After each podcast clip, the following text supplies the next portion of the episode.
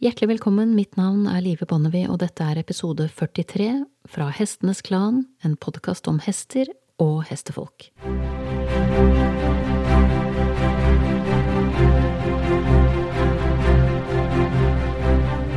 I dag skulle jeg egentlig etter planen spilt inn Moment of Zen-episode nummer seks, men det har ikke vært noe spor av zen etter at hesten min fikk kolikk for et døgn siden. Jeg har egentlig vært veldig godt vant med hestene mine det har sjelden vært noe med dem, men de siste to månedene har jeg snakket mer med veterinærer enn jeg noen gang har gjort tidligere. Først fikk hesten min et kutt over øyet etter en slåsskamp i slutten av desember, der han hårfint slapp unna å sy.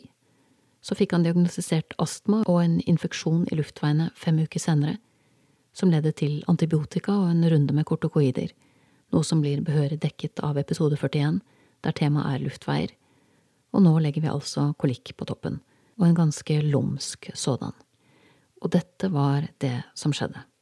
Jeg hadde ridd en morgentur på en sprek og villig hest. Det hadde blitt fôret lunsj seks timer senere, hvor alt var normalt. Men da det skulle fôres middag seks timer etter dette igjen, så var det noe som skurret, og det ble heldigvis fanget opp av de som driver stallen der hesten min står. Da hestene som står på utegang ble fòret klokken 21, rullet hesten min seg fremfor å spise av høyet og da de som fòret ble stående og følge med, la han seg etter hvert også ned. Og dette er jo en svært avvikende atferd for en matglad islandshest. Datteren på gården hentet hesten min og begynte å leie ham rundt, moren ringte meg, og jeg slapp selvfølgelig det av de hendene og kastet meg i bilen. Etter først å ha redegjort kort for familien min at det er mulig at det er kolikk på gang. De er jo ikke hestefolk, noen av dem, så jeg tok meg tid til å forklare hvor alvorlig det kan være, med det resultatet at de insisterte på å komme etter i en egen bil, for å grave hengeren min ut av snøen i tilfelle hesten måtte ha oppfølging på en hesteklinikk. Der har du familie. Hva skulle man gjort uten dem? Allerede på vei bort til stallen, en tur som tar knappe fem minutter, begynte jeg å pønske på hva slags type kolikk det kunne være snakk om. Hadde det vært sommer, ville jeg gått for sandkolikk som det mest sannsynlige.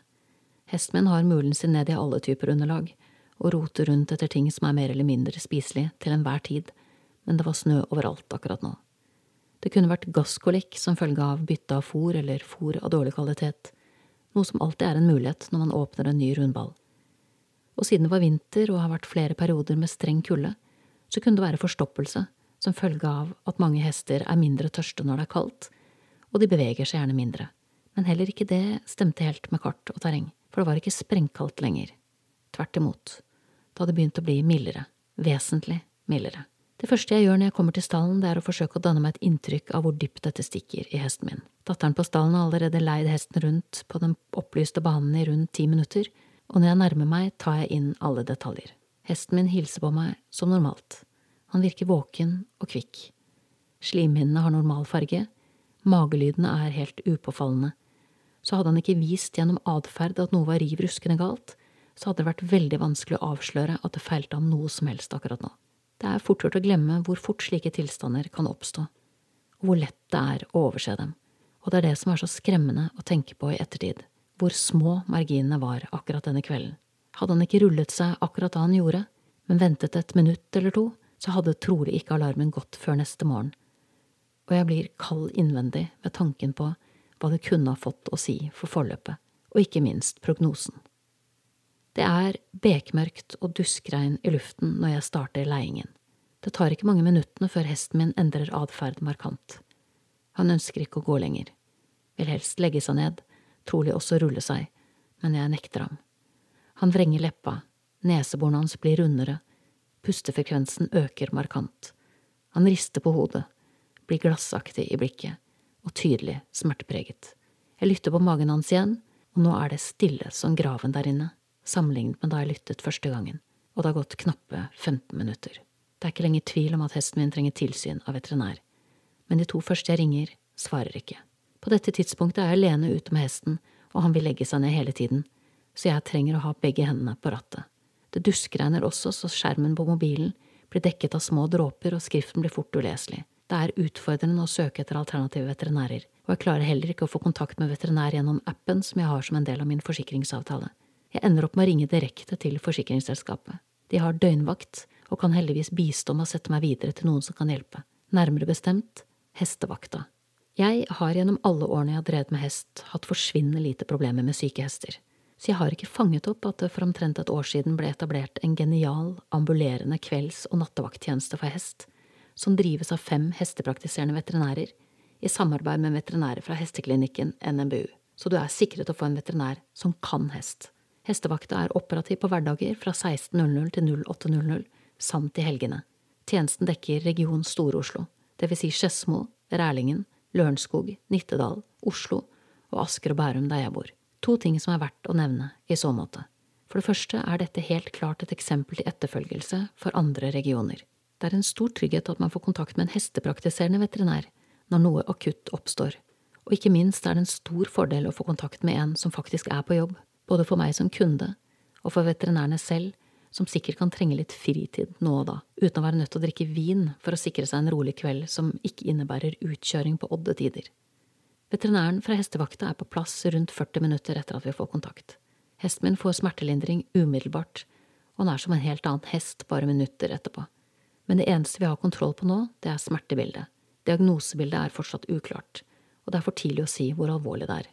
Tar hesten med inn i stallen for rektalisering, og selv om han åpenbart føler seg kvikkere, så er han ikke så kvikk at han syns det er en god idé å få en arm stukket langt inn i sine indre gemakker, men han tar det overraskende pent. En mulig forstoppelse blir håndtert. Temperatur og puls blir målt. Han har ingen feber, noe som absolutt er et godt tegn. Og selv om puls og pust absolutt er forhøyet, begge ligger godt over 40, kunne de helt klart ligget mye høyere.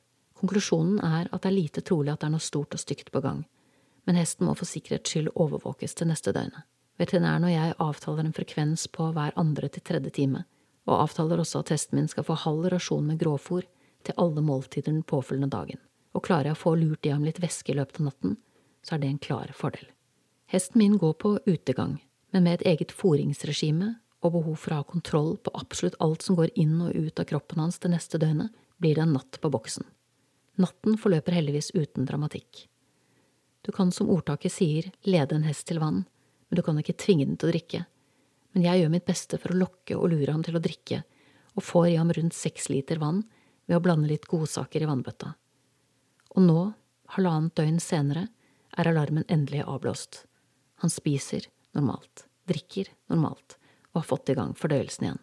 Veterinæren sa tidlig at dette trolig var et eksempel på en type kolikk som han ikke klarer å sette fingeren på årsaken til, og det ser ut til å holde stikk. Det kan ha vært et fòrskifte mellom to rundballer. Det kan ha vært utløst av en antibiotikakur som han gikk på for to uker siden.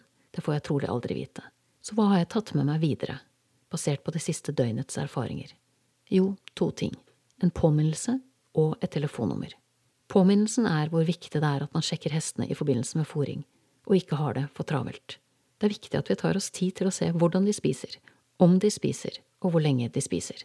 Alle disse bitene er en viktig del av et større puslespill som sier noe om hestens helse og hestens velferd. I dette tilfellet var marginene små. Hestene ble fòret, og heldigvis ventet ikke hesten min til han hadde begynt å spise, før han rullet seg første gangen. Han gjorde det midt under fòringen. Og heldigvis er de som driver stallen, hestevante, så de så med en gang at dette var et tydelig avvik. Men et utrennet blikk ville oversett alt dette, noe som er grunnen til at jeg skyr staller der folk mangler erfaring, som pesten. Jeg tør knapt tenke på hva som kunne blitt resultatet dersom hesten min hadde fått lov å holde på hele natten alene. Jeg har selv jobbet som avløser i mange år, og vil bruke denne episoden til å slå et slag for en rutine der man avslutter dagen med å gå en kveldsrunde. På stallene og gårdene jeg har jobbet, så slukket vi lyset etter at hestene hadde fått kvelds, men det siste vi gjorde før vi la oss, hver eneste kveld, det var å gå en kveldsrunde, der vi sjekket at alle hestene hadde det bra, og at de hadde spist som normalt. Det var et veldig enkelt grep, som forebygger mange problemer, og som faktisk også er en veldig fin måte å avslutte dagen på. Det andre jeg tok med meg, var telefonnummeret til hestevakta, og jeg anbefaler at du her og nå noterer deg nummeret dit hvis du ikke allerede har gjort det, forutsatt at du bor i samme region som meg. Nummeret er enkelt å huske. 40 129.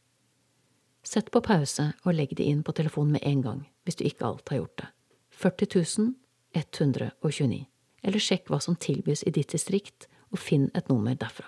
Så får håpet heller være at du aldri får bruk for det. Du har nettopp hørt episode 43 fra Hestenes Klan, en podkast om hester og hestefolk. Takk til min faste komponist Fredrik Blom, takk til de fine, oppmerksomme folka som driver stallen der jeg har hesten min, og sist, men ikke minst, takk til deg, kjære lytter, for tålmodigheten. Måtte hesten for alltid være med deg.